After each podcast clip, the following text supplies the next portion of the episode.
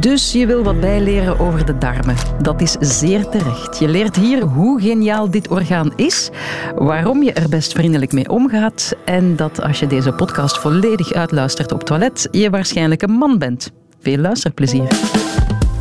Radio 1. Weet ik veel? Met Carolien de Bekker. Goedemiddag, Goedroen Cornelis. Goedemiddag, eh, Carolien. Je bent gastroenteroloog in het ASZ Aalst. Wat, wat doet een gastroenteroloog? Wel, ja, dat is een maag-darmspecialist, maar doet eigenlijk uh, veel meer dan dat. Hè. De volledige spijsverteringsstelsel. Dus dat, uh, dat is ook de galblaas, de pancreas, de lever. Uh, een uitgebreide scala aan organen. Ja, we gaan dat even isoleren van de darmen. Hè. Um, maar goed, het is je mediadebuut. Uh, hoe gaat het met je darmen op dit moment? Een beetje een knoop, moet ik zeggen. Zowel de maag als de darmen, uh, maar het komt wel goed, denk ik. Ja, we gaan ontdekken waarom, hè. hoe dat, dat komt ja, vandaag. Uh, maar een sexy orgaan is het niet, hè. Goedroen, laat ons daar eerlijk over zijn. Niemand zegt graag dat hij last heeft van zijn darmen. Nee, en ik, ik hoop dat vandaag toch wel te kunnen veranderen. Ik ben hier voor de darm te promoten, want het is echt wel het meest het meest onderschat orgaan dat we hebben. Het hele spijsverteringsstelsel uh, trouwens. Hè. Ja, het is, het is een enorm boeiend orgaan. Ze zouden daar eens wat meer spreekwoorden over moeten verzinnen. Ja, je hebt zo van die mooie spreekwoorden over het hart en de maag. Het hart op de tong, liefde gaat door de maag. Maar het enige wat ik over de darmen vond was de kronkel in de darm hebben. Ja, of no guts, no glory. No Guts, No Glory, ja, juist. Of wel muziek. Er is ook uh, weinig muziek over de darmen. Ik vraag me af wat dat jullie nog de rest van uh, de uitzending gaan draaien. Ja, wel, ik heb niks meer gevonden over de darmen, dat is een feit. Maar goed, we kunnen daar wel uh, heel wat inhoud tegenaan gooien, hè, of tegenover zetten.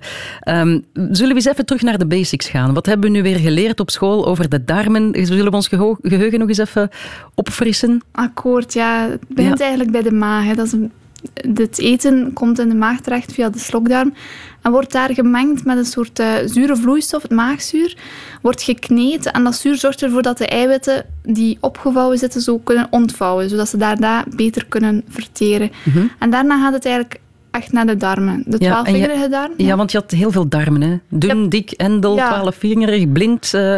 Om het eenvoudig te houden heb je eigenlijk twee soorten. De dunne darm en de dikke darm. Dat is, dat is het belangrijkste. En in de dunne darm gebeurt hoofdzakelijk de vertering. Daar worden de voedingsmiddelen gesplitst in hele kleine deeltjes, zodat die kunnen opgenomen worden in ons bloed. Um, en de dikke darm wordt er nog vocht ontrokken en wordt de stoelgang gevormd eigenlijk. Ja, ja want de, de dunne darm, zoals je zegt, het voedsel wordt daar verwerkt. Uh, hoe lang is die dunne darm eigenlijk? Die is behoorlijk lang, 4 tot 6 meter. En daarbovenop bestaat de wand van die darm met allemaal hele kleine uitstulpingen. Zo'n beetje allemaal kleine vingertjes. Dat zijn er um, in, per vierkante millimeter zo'n veertigtal zelfs bijna. En als je dat allemaal zou uitspreiden, oei, komt dat uh, op een heel tennisveld aan dunne darm. Allemaal oppervlakte om al die voedingsstoffen op te nemen. Onwaarschijnlijk, ja. echt. En, en de dikke darm, hoe lang is die dan? Die is iets minder dan een meter lang. Iets minder dan een meter, ja. oké. Okay. En zoals je zei, die moet dan uh, het uh, uh, vocht absorberen vocht absorberen en ook de laatste voedingsmiddelen verwerken en opnemen. Ja. En dat gebeurt dan vooral door de bacteriën in die dikke darm. Ja. En die zit aan de rechterkant van de buik. Je kan die voelen zitten, hè? je kan die ook een beetje masseren. Die zit eigenlijk vo volledig de buik door. Die begint rechts, gaat omhoog daar, loopt dan naar links en gaat dan weer naar beneden. Mm -hmm. De dunne darm die zit zo wat overal, gekronkeld. Ja. En, en het onderste stuk is de blinde darm, of zit ik nu verkeerd? De blinde darm is eigenlijk het stuk waar dat de dunne darm en de dikke darm uitkomt. Die, die lopen niet over in elkaar, maar die dunne darm komt eigenlijk op de zijkant uit. En daar hangt er een, een blind stuk aan en dat noemt men de, dik, uh, de blinde darm. En dat is niet het stukje dat gaat ontsteken. Dat is juist, daar hangt nog een klein wormpje aan. En dat noemt dan de appendix. Ja, en dat is juist. hetgene dat gaat ontsteken. Ja, dat moeten we in de gaten houden als die begint pijn te doen. Ja, dat zit rechts, inderdaad. Dat zit rechts, Ja. oké. Okay. Het is allemaal verwarrend. Hè? Um, ja, het laatste stukje, de endeldarm. Hè? De endeldarm, daar is, als daar toegang komt, dan wordt dat uitgerokken en dan voel je dat je naar het toilet moet. Ja, dat is het allereinde. Stel nu, ik heb vanmiddag een broodje gegeten. Hoe lang duurt dat voordat helemaal dat hele stelsel is doorgegaan? Hangt een beetje vanaf van hoe snel jouw darmen werken, maar bij de meeste mensen duurt dat toch een, uh, een paar dagen, twee tot drie dagen, tegen dat dat de volledige darm uit is. Ah ja, oké. Okay. Ah ja, dus dat, mensen die zeggen van als ik iets eet, dan moet ik direct naar het toilet, dat klopt eigenlijk niet. Dat klopt wel, maar dat is een ander, ehm, een ander mechanisme. Het is niet het broodje dat onmiddellijk eruit is, maar het is de voedingsstoffen die je darmen activeren om samen te gaan trekken. En de stoelgang die reeds aanwezig is, wordt zo naar het einde gebracht. En dan voel je inderdaad dat je naar het toilet moet. Het zijn Ja. vooral de vetten die daarvoor zorgen. Dus. Oké. Ja, het is een heel eigenzinnig orgaan. Je kan dat ook niet commanderen, hè? Nee, het is eigenlijk een orgaan dat volledig zelfsturend is. Dus het bevat een eigen zenuwstelsel, dus een soort tweede stel hersenen wordt soms ook gezegd, eh, met heel veel zenuwcellen die verspreid zijn in een volledige darm en die eigenlijk zichzelf regelen. Die de darm sturen om samen te trekken, om peristaltiek te maken, zodat voeding doorgestuurd wordt. Peristaltiek, dat is een soort golfvormige beweging Ehm, waarbij dat de darmwand samentrekt en het voedsel verder stuwt. Ja, want je zei daarnet al, die zenuwen, hè, want ze kunnen enorm veel... wein- Weinig mensen weten dat, maar de darmen worden wel eens het tweede brein genoemd. En dat heeft te maken met al die miljoenen zenuwcellen. Ja, ongeveer 500 miljoen. Ik heb het ook eens moeten opzoeken. Dat is maar een fractie van onze hersenen, maar dat is bijvoorbeeld wel veel meer dan de zenuwen in het ruggenmerg. Ja, En die zenuwen werken onafhankelijk van de hersenen. Die kunnen zelf de darm sturen, maar die zijn ook verbonden. Dus die gaan eigenlijk een beetje feedback gaan vragen aan de hersenen ehm, om toch de, de darmactiviteit met ons, licha- met, an- met ons leven eigenlijk te coördineren. Bijvoorbeeld, ehm, als je bijvoorbeeld gestrest bent, zou je daardoor sneller naar het toilet kunnen gaan, omdat die signalen krijgen van de hersenen om sneller te werken of trager. Ja wat, eh, heeft dat een evolutionair voordeel? Dat als je stress hebt, dat je dan sneller naar het toilet moet? Is even, even alles lozen en dan kan je weer sneller lopen? Of wat, wat is de, het nut daarvan? Eigenlijk omgekeerd. Ehm, meestal worden de darmen en de maag stilgelegd bij stress. Dus Ah, ja. inderdaad, evolutionair heeft dat... eh, vroeger moest je vluchten of vechten. En op dat moment eh, is het niet zinvol om naar het toilet te gaan. Dat is waar. dus eh, dan gaan de hersenen signalen sturen naar de darmen om eigenlijk volledig stil te liggen. En al het bloed gaat naar de, de hersenen gaan, gaat naar de spier, naar het hart, zodat die organen goed kunnen werken. Ehm, maar op, in onze huidige maatschappij is de stress eigenlijk anders dan toen. Het is te zeggen, de stress is vaak langdurig, Ja. waardoor dat je continu aan kleinere hoeveelheden stresshormonen wordt blootgesteld. En die stresshormonen die gaan de darm dan chronisch of langdurig beïnvloeden en in de war brengen. Ja, ja, en dat is niet zo gezond natuurlijk. Hè. Dus als je, als je last hebt van je darmen, dan zou dat eh, van stress kunnen komen. Dat Ja. kan zeker, ja. Dus de stress beïnvloedt jouw darmen, maar jouw darmen beïnvloeden ook de manier waarop je je voelt. Eh, kunnen ook stress aanwakkeren. Ik bedoel, want dat wist ik niet, dat, dat, dat zij heel wat neurotransmitters aanmaken. Bijvoorbeeld eh, serotonine, het gelukshormoon. Ja, dat klopt inderdaad. Serotonine is een hormoon in de hersenen dat te maken heeft met depressie, met hoe dat je je voelt. Zit, eh, er zijn ook veel behandelingen die tegen depressie die op serotonine inwerken. Maar van alle hoeveelheid serotonine die je lichaam zelf aanmaakt, wordt meer dan 90% in de darm gemaakt. En daar zorgt het eigenlijk voor meer het, dus de, het voortstuwen van het voedsel, de beweging van de darm. Maar het heeft ook een effect op de hersenen. Die zijn verbonden met elkaar en die eh, onderling beïnvloeden die elkaar. Dus als je je darmen goed behandelt, dan ga je je sowieso een stuk gelukkiger voelen. Dat zou ik wel durven zeggen, ja. Ah, Oké, dat is interessant. Dan gaan we straks eens eh, uitzoeken hoe je je darmen dan goed kan behandelen. Ehm, ja, ja, dat verklaart natuurlijk waarom emoties zo sterk verbonden zijn met onze spijsvertering. Hè. Ik, eh, verklaart dat ook waarom je vlinders in je buik hebt als je verliefd bent? Daar heb ik nog nooit over nagedacht, eigenlijk. Ah, Ehm, Ja, kijk, ik denk eh, wel bij verliefdheid dat er bepaalde stoffen vrijkomen in de hersenen die, die je maag laten samentrekken. ehm, en die je maag beïnvloeden, ja. ja. Ja. We gaan daar zo meteen verder over, over de darmen, want ook twee derde van ons immuunsysteem, dat zit ook in de darmen.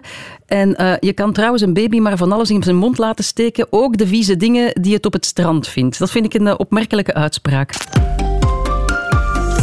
Weet ik veel? De darmen, een uur lang over dat sexy, sexy, boeiend orgaan. Eh, we hebben daarnet al geleerd dat 90% van je gelukshormonen in de darm wordt aangemaakt. En er worden nog veel meer eh, hormonen aangemaakt daar. Hè? Eh, ja, minstens een twintigtal. En die zijn hoofdzakelijk nodig voor de regulatie van uw voedselinname. Dus om de, het verzadigingsgevoel te sturen. Een, van de bekendste ho- hormonen dat gemaakt wordt in de darm is leptine. Dat is een, eh, een hormoon dat ervoor zorgt eh, dat je geen honger meer hebt. En het is bekend van een, een muizenexperiment waarbij dat er muizen genetisch werden gemanipuleerd, waardoor dat die muizen geen leptine meer konden aanmaken. En die muizen hadden eigenlijk continu honger. Die waren continu aan het eten en die werden echt, echt mod- moddervet eigenlijk. Ja, En die ook wat konden niet stoppen. Ja. Ja, dus eigenlijk is dat grotendeels ook genetisch bepaald dan? Of, of kan, je dat, kan, kan dat ontregeld geraken? Voor een deel is het genetisch ge- bepaald, voor een deel kan het ontregeld geraken. Maar eh, ja, overgewicht is natuurlijk multifactorieel. Er speelt daar heel veel, eh, heel veel dingen een rol. De voeding, eh, de omgevingsfactoren, maar ook inderdaad de darmhormonen. Ja. Ghreline is zo'n ander bekend hormoon. Dat, er juist voor zo- zorgt dat je honger krijgt. En men is al eh, vele jaren op zoek naar medicatie om dat hormoon te onderdrukken, maar voorlopig eh, geen succes. Mhm. Ja, ehm, hoe snel je voedsel verbrandt, dat metabolisme, zit dat ook ergens in de darmen? Dat zit niet direct in de darmen. Dat heeft te maken met, eh, met je hele lichaam. Ja, oké. Het immuunsysteem, dat is wel heel interessant, want in de darmen zit twee derde van ons immuunsysteem. Ehm, ja, want een, darm zit ook vol met potentiële vijanden. Inderdaad, ons immuunsysteem kan je vergelijken met een, een leger ehm, dat ons lichaam moet beschermen. En in de darm, daar zit heel veel vreemd materiaal. Eh, niet alleen al die bacteriën, bil- biljoenen, miljoenen bacteriën die in de dikke darm zitten en in de dunne darm, maar ook voedsel. Want ons lichaam weet niet altijd wat dat er schadelijk is en niet. En ook voedsel wordt als vreemd aanzien. En net zoals bij een leger niet eh, willekeurig mag oorlog stichten, mag beginnen vechten op straat, mag ons immuunsysteem ook niet alles beginnen aanvallen. Want dat zou grote problemen geven. Dat zou veel schade geven in ons lichaam. En ons immuunsysteem moet dat leren.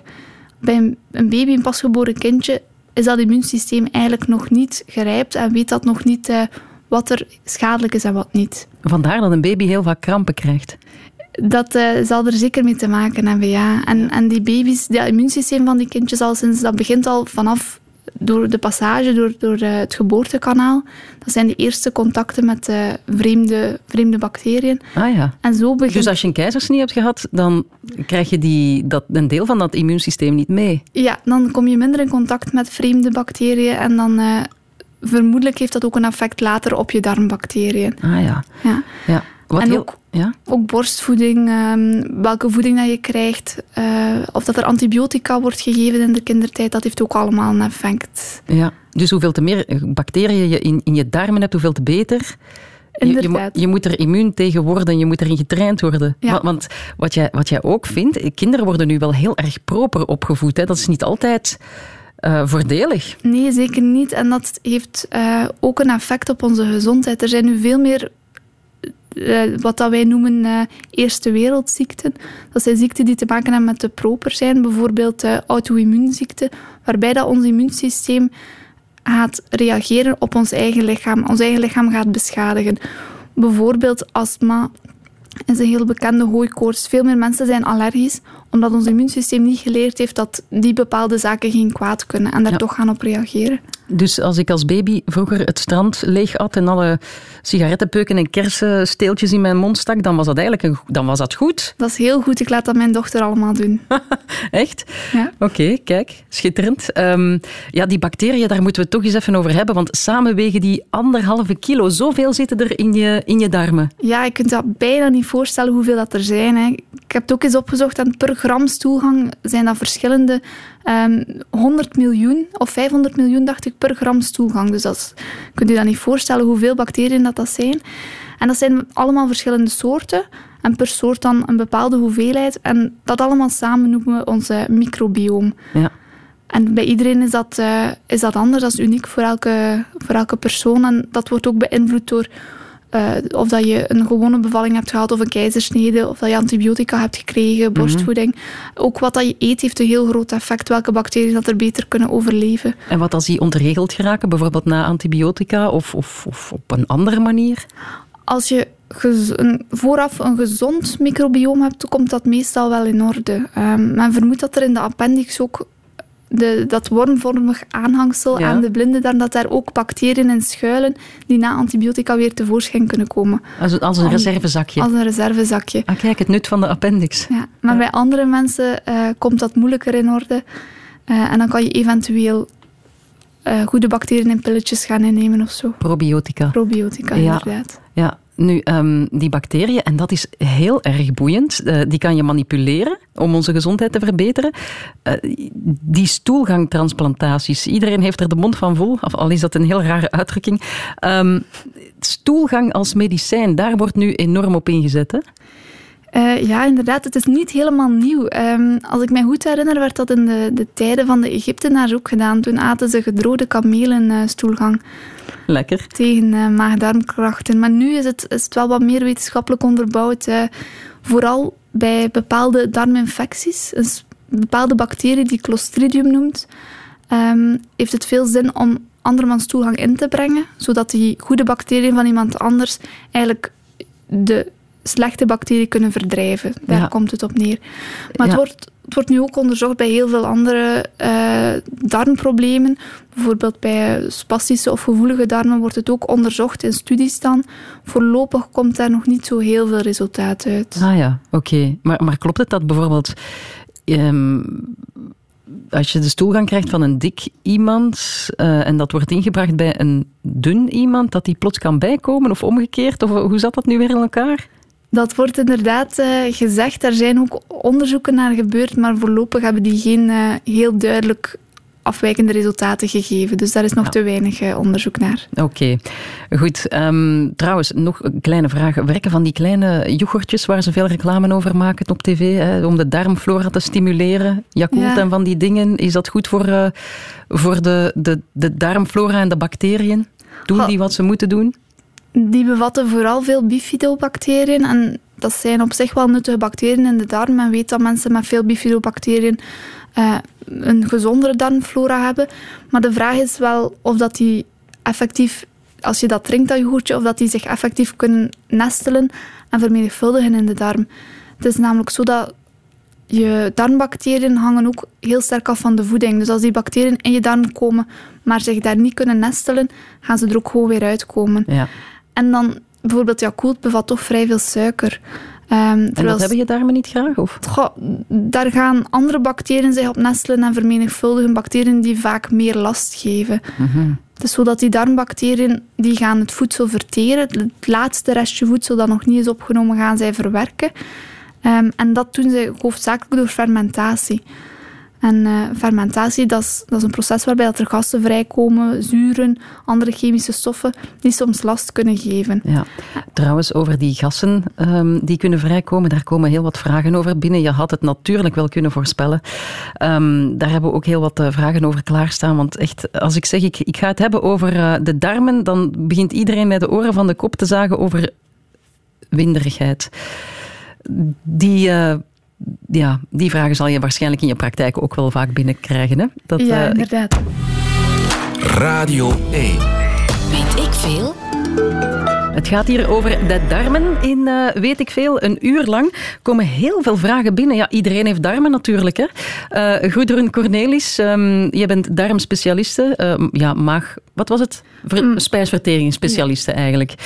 Um, Jean-Marc van Ravels zegt er zijn aanwijzingen dat Alzheimer gerelateerd zijn aan, um, aan de darmflora. Of gerelateerd is aan de darmflora. Wat zijn de laatste bevindingen op dit vlak? Heb je daar al van gehoord? Inderdaad, er zijn aanwijzingen dat heel veel gerelateerd is aan de darmflora. Onder andere Alzheimer, um, Parkinson zou mogelijk ook gerelateerd zijn, autisme, psychiatrische aandoeningen. Nu, de gegevens daar, de studies daarover zijn allemaal vrij recent en vrij klein. Dus nog een beetje te, te klein om daar echt conclusies over te trekken. En zeker naar mensen te onderzoeken. Mm -hmm. um, weten we daar nog veel te weinig over. Uh, dat is nog toekomstmuziek, ja. Ja. Um, ja, we hebben daarnet al gezien, uh, je kan je gezondheid beïnvloeden door wat aardiger te zijn voor je darmen. Hè? Wat, uh, waar houden darmen van, bijvoorbeeld?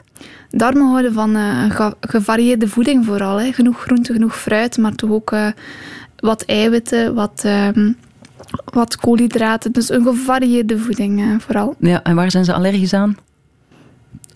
bijvoorbeeld enkel koolhydraten daar, of enkel vezels, daar gaan ze wel last geven. Ja? ja? En last geven, dan hebben we het... Sorry, we moeten het erover hebben. De winderigheid. Um, de eerste vraag is binnen. Lieve Koreman die zegt... De darmen, hoe vermijd je winderigheid? Waarom maken mijn darmen soms echt vreselijke geluiden? Broebel, broebel, schrijft hij erbij. Je kan het niet vermijden, helaas. eh, maar het, het is echt niet mogelijk om dat te vermijden. Die eh, productie van lucht in de darmen is een heel normale zaak. Als bacteriën in je darmen het eten, eten gaan verwerken, komt er sowieso gassen vrij. Ehm, afhankelijk van welke bacteriën dat je hebt en afhankelijk van welke voeding, dan uh, ja, dat, dat zorgt ervoor hoeveel gassen en, en ook welke geur dat die gassen hebben. Maar helemaal vermijden kan je het niet. Ja, over die voeding, want we hebben er een paar uh, vragen al op voorhand binnengetrokken van, uh, van hier op, op, op Radio 1. Mensen die zeiden, oh, ga je het morgen over de darmen hebben? Ik heb een vraag. heb je zin in een snelle vragenronde? dat mag. Ja, oké, okay, daar gaan we. Um, omdat er zoveel vragen binnenkomen, gaan we het even in een snel tempo doen. Uh, Goedroen, eerste vraag. Uh, ik vraag me af in hoeverre dat je voeding invloed heeft op de geur van je scheet. Bijvoorbeeld als ik heel veel groenten eet, of kolen, of, of, of ja, andere witloofachtige, spruitachtige dingen, dan ruiken mijn scheten heel anders dan wanneer ik bijvoorbeeld heel veel vlees eet. Uh, en na een nachtje stappen ruiken mijn scheten ook helemaal anders dan de dag ervoor. Dus dat vraag ik mij af. Ja, vooral bij mannen moet je niet in de buurt zijn na een nachtje stappen. Hè? Is, kunnen ze niet tegen alcohol? Um, dat heeft vaak te maken met bier en bepaalde stoffen die in het bier zitten, bepaalde gisten ook. Um, die gaan fermenteren in de darm en die gaan gassen geven. En inderdaad, afhankelijk van wat er fermenteert, dat be beïnvloedt inderdaad de geur. Ja, en is de geur altijd minder aangenaam bij groenten dan bijvoorbeeld bij, ik zeg maar iets vlees? Of kan je daar een lijn in trekken? Um, groenten geven in het algemeen wat meer fermentatie, inderdaad. Um, en dat zorgt voor wat meer geur ook, ja. Ja, ja maar het is wel gezond, hè? Het is zeker, de, zeker gezond, ja. Het is niet als je, als je binden een onaangename geur hebben, dat je ongezond bent van binnen. Nee, inderdaad. Ja, dat klopt eigenlijk niet goed. Hè? Maar goed, volgende vraag. Ik vroeg mij eigenlijk af of er een verschil is tussen mannendarmen en vrouwendarmen. Want ik ken een heel aantal mannen die beduidend langer over de grote boodschap doen dan ik zelf. En ik vraag me dan af, is dat echt moeilijker voor hun? En duurt dat daarom langer? Of zitten die gewoon sudokus te doen op het toilet? Uh, dus ja, is daar een verschil? Ik denk dat, um, dat die mannen zich vaak wat even rustig houden op het toilet met een boekje. Uh, ik denk niet dat mannen effectief er langer over doen om naar het toilet te gaan.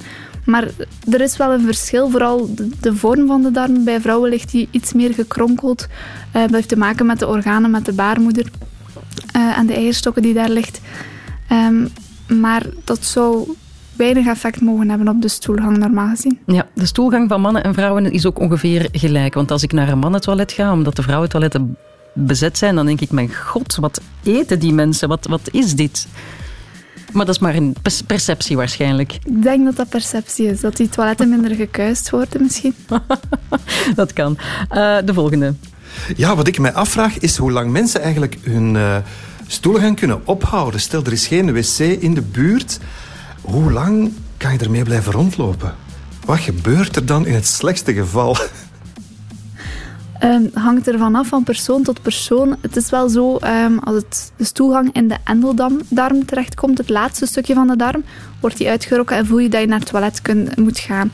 Als je dan bepaalde spieren opspant, bepaalde bekkenbodemspieren, duw je de stoelgang weer wat naar boven, waardoor dat, die, dat gevoel weer weg is. En zo kan je dat verschillende keren doen. De meeste mensen kunnen dat een paar uur uitstellen, maar niet meer. Nu, sommige mensen kunnen dat langer uitstellen, verschillende dagen, en, en komen dan binnen met heel veel pijn, vooral in de buik. Ja, want gezond is het niet, heb ik altijd gehoord. Is het waar dat je jezelf een beetje vergiftigt dan?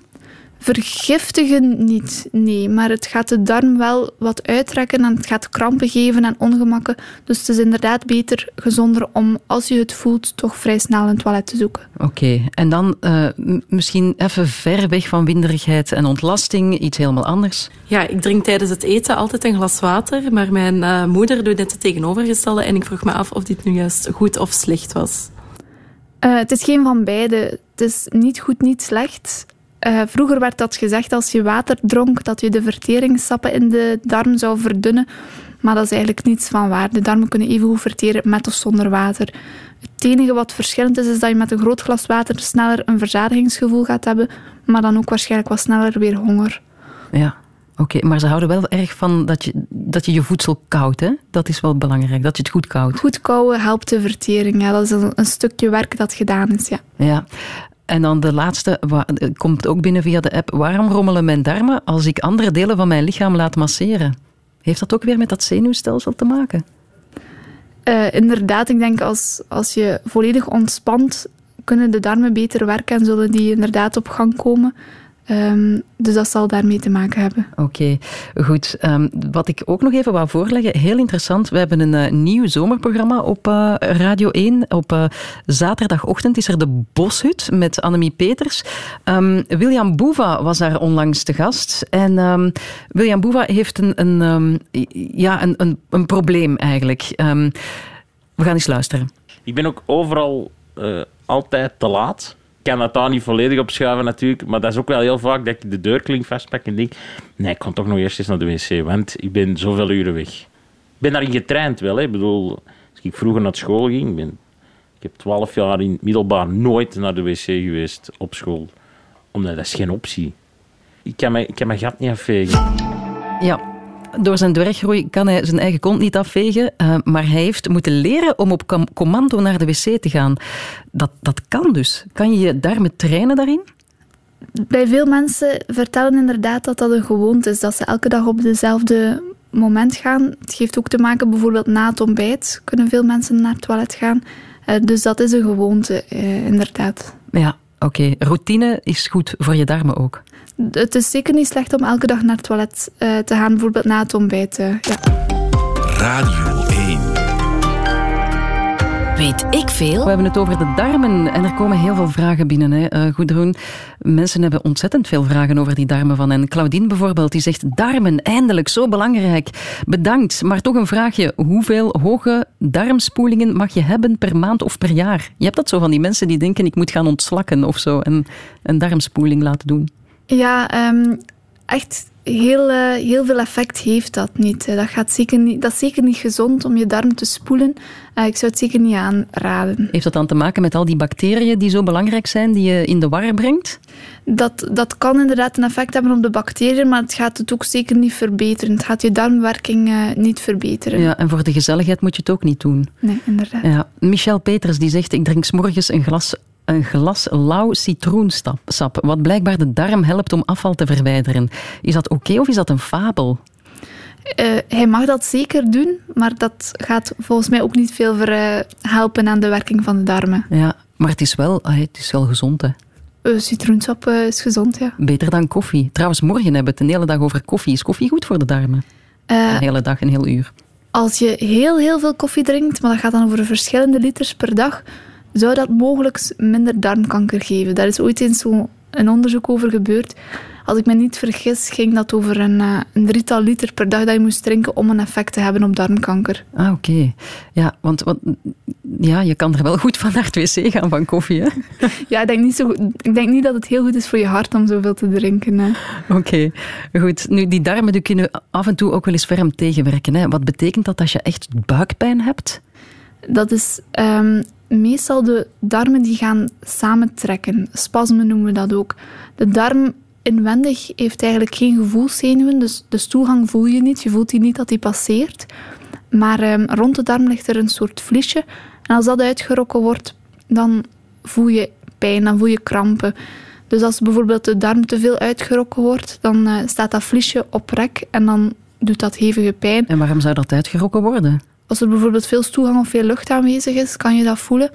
Ehm, of als je darm gaat samentrekken om die stoelgang te verwijderen en heel hard gaat samentrekken, dan voel je dat ook. Dat zijn dan de darmkrampen. Ja, en die krampen, van waar komen die? Ehm, dat, is- dat is dus de darm die het werk probeert te doen om de stoelgang ja, weg te krijgen.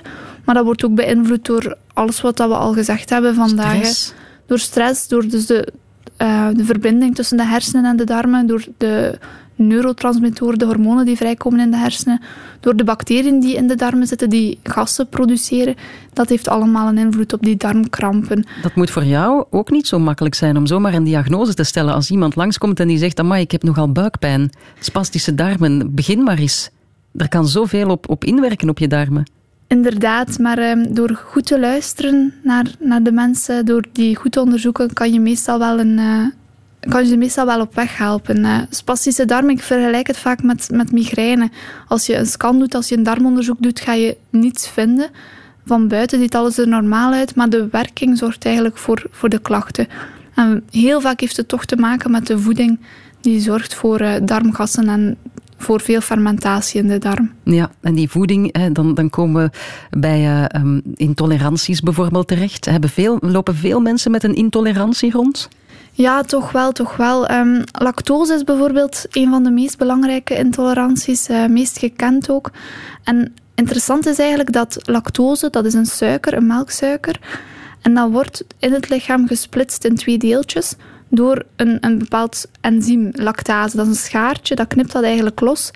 Um, en alle zoogdieren hebben dat, maar normaal gezien verdwijnt dat enzym één keer dat, je, dat het, het kind ouder wordt omdat zoogdieren, als ze ouder worden, ook geen melk meer te drinken krijgen. Mm -hmm. En het zijn eigenlijk enkel de mensen en eigenlijk enkel de westerse bevolking die het enzym blijft behouden tot de volwassenheid. En, en zelfs hier um, in Europa zijn er toch 5 tot 10 procent die dat enzym niet meer houden en die eigenlijk lactose niet goed kunnen verwerken. Ja, en dan spreek je over intolerantie, maar niet over een allergie, hè? Nee, dat is een lactose-intolerantie. Als die lactose dan in de darm komt, komt die onverteerd en dan gaat die ook weer fermenteren en weer last geven. Terwijl als men spreekt over melkallergie, gaat het meestal over het koemelk-eiwit. Um, waar dat je immuunsysteem op reageert. Ja, dan word je echt ziek als je ja. dat uh, binnenkrijgt. Bij kindjes zie je dat vaak, inderdaad. Ja. En soms gaat het echt wel mis met die darmen, want uh, um, dikke darmkanker bijvoorbeeld is in België nog steeds een heel erg voorkomende kanker. De derde meest voorkomende kanker bij mannen en de tweede meest voorkomende kanker bij vrouwen. Elk jaar krijgen meer dan 8000 mensen de diagnose. Trouwens, dunne darmkanker, dat bestaat niet. Nee, inderdaad. Um, de dunne darm die, de cellen van de dunne darm die vernieuwen zich zo snel. Op twee, drie dagen zijn al die cellen vernieuwd. Dus die leven maar enkele dagen, waardoor dat de tijd om kanker te kunnen ontwikkelen te kort is. Ah ja. Ja, en uh, je kan je stoelgang wel laten testen. Uh, en, en al zeker als je iets afwijkends opmerkt. Hè. Wat is iets afwijkends? Uh, als je bloed ziet in de stoelgang, als je stoelgangspatroon verandert, zeker als dat na 50 jaar is, als je pijn krijgt in de darmen, als je vermagert, dat zijn ehm, ja heel belangrijk is het om mee te doen met de bevolkingsscreening. Hè. Dus ik, ik, wil zeker wat reclame maken. Vanaf 50 jaar zal iedereen um, in België een toegangstaal uh, toegestuurd krijgen thuis. En daarop wordt getest op bloed. En als er bloed in te vinden is, ook al een heel kleine hoeveelheid, dan wordt het aangeraden om inwendig in de darm te kijken. Ja. En dat is wat dat wij dan doen. Ja, en voorkomen is nog beter dan genezen. Is het waar dat je beter een wc-pot hebt met zo'n platformpje, zodat je af en toe eens naar je stoelgang kan, kan staren? Ik denk dat het beste is om gewoon mee te doen met de bevolkingsscreening en... Uh, uh, als je last hebt bij ons langs te komen. Want dat is wel het goede aan darmkanker. Um, in tegenstelling tot andere kankers begint het niet als kanker, maar begint het als een, een klein bolletje in de darm. Een polypje. Een soort polypje, een paddenstoeltje, uh, die nog geen kanker is. En, en dat we, kan je wel opsporen tijdig. Ja, we kunnen dat opsporen, verwijderen en zo voorkomen dat er kanker komt. Heel belangrijk, heel ja. belangrijk. Goed, uh, we zijn bijna aan het einde van dit programma. En dan rest mij nog te zeggen dat je mij moet ondervragen. Goederen, dat is altijd heel ambetant. Maar kijk, doe maar. Ik ben er klaar voor. Jij ook? Ja, ik ben volledig klaar. Vraag 1. Wat is de functie van maagzuur? Uh, maagzuur, dat is om je eten te, te, ja, te, te kneden, af te breken. Ja. Ja. Um, ja, dus ja. Hoe heet het laatste deel van onze darm? De endeldarm. Ja, correct. Is er een link tussen onze bacteriën van de darm en ons welbevinden? Ja, natuurlijk. Absoluut. Dat was een gemakkelijke. Ja, hè. Hoeveel bacteriën zitten er in onze darm? Um, wacht, hè. Een paar triljard, miljard... Nee, wacht, anderhalve kilo. Anderhalve kilo is het juiste antwoord. Ja. Had je er nog één of zijn we er? Uh, we zijn er. Ah, we zijn er. Fantastisch. Dan kan ik alleen maar zeggen dat ik het echt een heel aangename uitzending vond. Uh, trouwens, de Duitse Julia Enders heeft een absolute bestseller geschreven over de darmen, de mooie voedselmachine. En uh, om dit uur uh, met haar woorden samen te vatten, schaam je niet voor je darmen, want ze zijn geweldig. En ze moeten niet onderdoen voor die twee andere meesterwerken, de, het hart en de hersenen. Goederen Cornelis, bedankt om ons in onze eigen onderbuik te laten kijken. Laat ons eens even luisteren naar, want dat is doorgegeven door een luisteraar. Ik ken het niet. Screaming Jay Hawkins en The Constipation Blues. Daar gaan we. Ladies and gentlemen, most people record songs about love, heartbreak, loneliness, being broke. Nobody's actually went out and recorded a song about real pain. The band and I have just returned from the General Hospital where we caught a man in the right position. We named this song Constipation Blues. Hmm?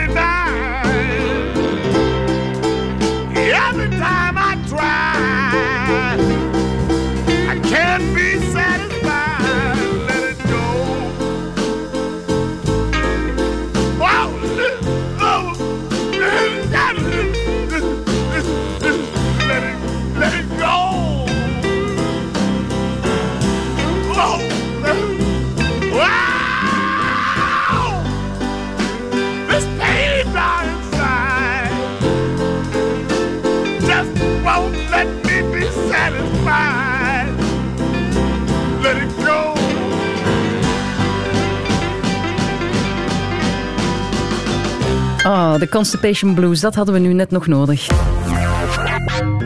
Weet ik veel? Wauw, de hele rit uitgezeten over de darmen. Proficiat, je hebt een eh, toiletpauze verdiend. En beluister daarna zeker ook eens onze andere Radio 1-podcasts.